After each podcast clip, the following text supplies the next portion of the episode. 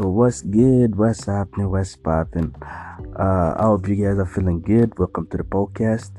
Uh, I'm your host, X to the MFO XO, and this right here is the fourth episode of the Vibe.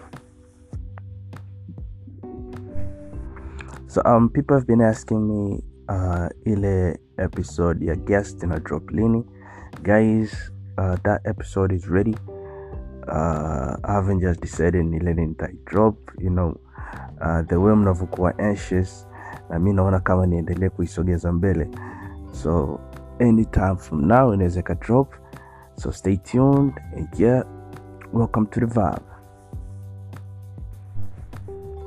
So most of us tumeshai kutumia public toilets.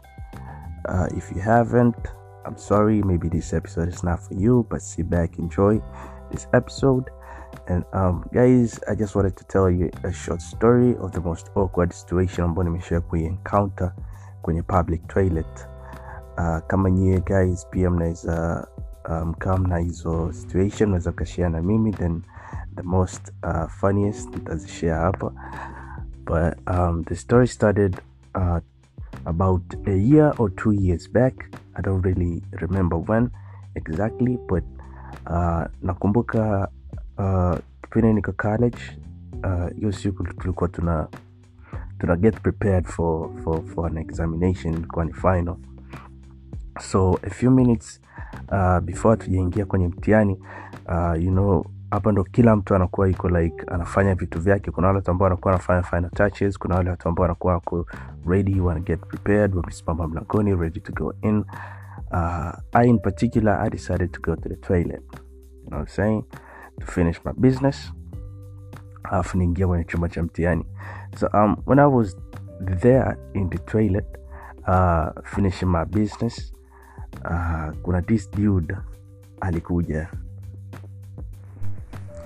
So if you didn't know, kipindi cha mtihani watu wanakuwa kwa bit nervous, ukizingatia tena ni final uh, watu wanakuwa hata kuongea because wanahisi kama wakiongea wakiongea more then wana lose kile ambacho wanakuwa wamekimeza. So mule ndani toilet uh, kulikuwa kuna this silence okay? So when this dude came he stood next to me okay? Since kulikuwa kuna ile silence kila mtu alikuwa anaweza kusikia what is going on. So this dude alizingua to be honest.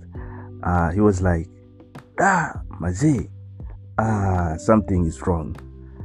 Then everybody was like what's up? Uh, what is wrong? He said guys my my pipi is is colorful. I believe wengi mtakuwa mmeelewa. Uh, he said his pee was colorful. You know what i'm saying so everybody was shocked, like, yo, maybe you don't drink a lot of water.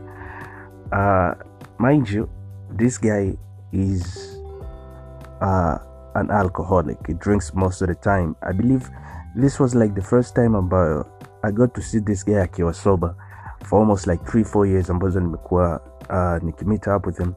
I believe this was like the first time ambao alikuwa yuko sober. So um, he was shocked to see kwamba his pee is colorful. You know what I'm saying? And maybe he never noticed it before, sababu he's always drunk. Uh, he never noticed such kind of things. So there he was shocked, like, yo, bro, uh, my PP is colorful. And I think he was like trying to show us because the way he was uh, shocked, it was as if uh, alikuwa may hold it in ili kila mtu uh, gather around to get uh, a sneak peek of what was going on but uh, nobody was really interested at this moment. He was very disappointed. Uh, uh, uh, it was very disappointed because nobody gave a shit about his pee. And um, he finished his business, uh, got out of the toilet, very disappointed. Uh, all, all that he did, the energy ambayo aliput kwenye uh, kuonyesha watu what was going on, nobody gave a shit. And um, to me, that was like the most awkward situation. Uh, how can anybody be, be interested in somebody's pee? I mean, come on, man.